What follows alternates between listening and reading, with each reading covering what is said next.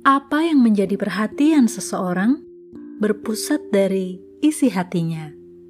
Ketika hatinya tamak, maka yang dipikirkan hanya keuntungan bagi dirinya. Kalau hatinya penuh belas kasihan, tentu ia menjadi pribadi yang mudah berempati terhadap orang lain, dan lain sebagainya.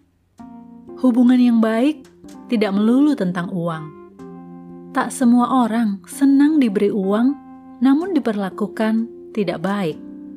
Tak seorang pun rela dipermainkan. Sebagaimana kita ingin dihargai dan dihormati, marilah kita berlaku serupa terhadap yang lain. Nggak pandang status apa pun. Bukankah Tuhan memandang kita pun demikian? Jadilah baik, bukan karena memandang orang, tapi karena memang engkau baik.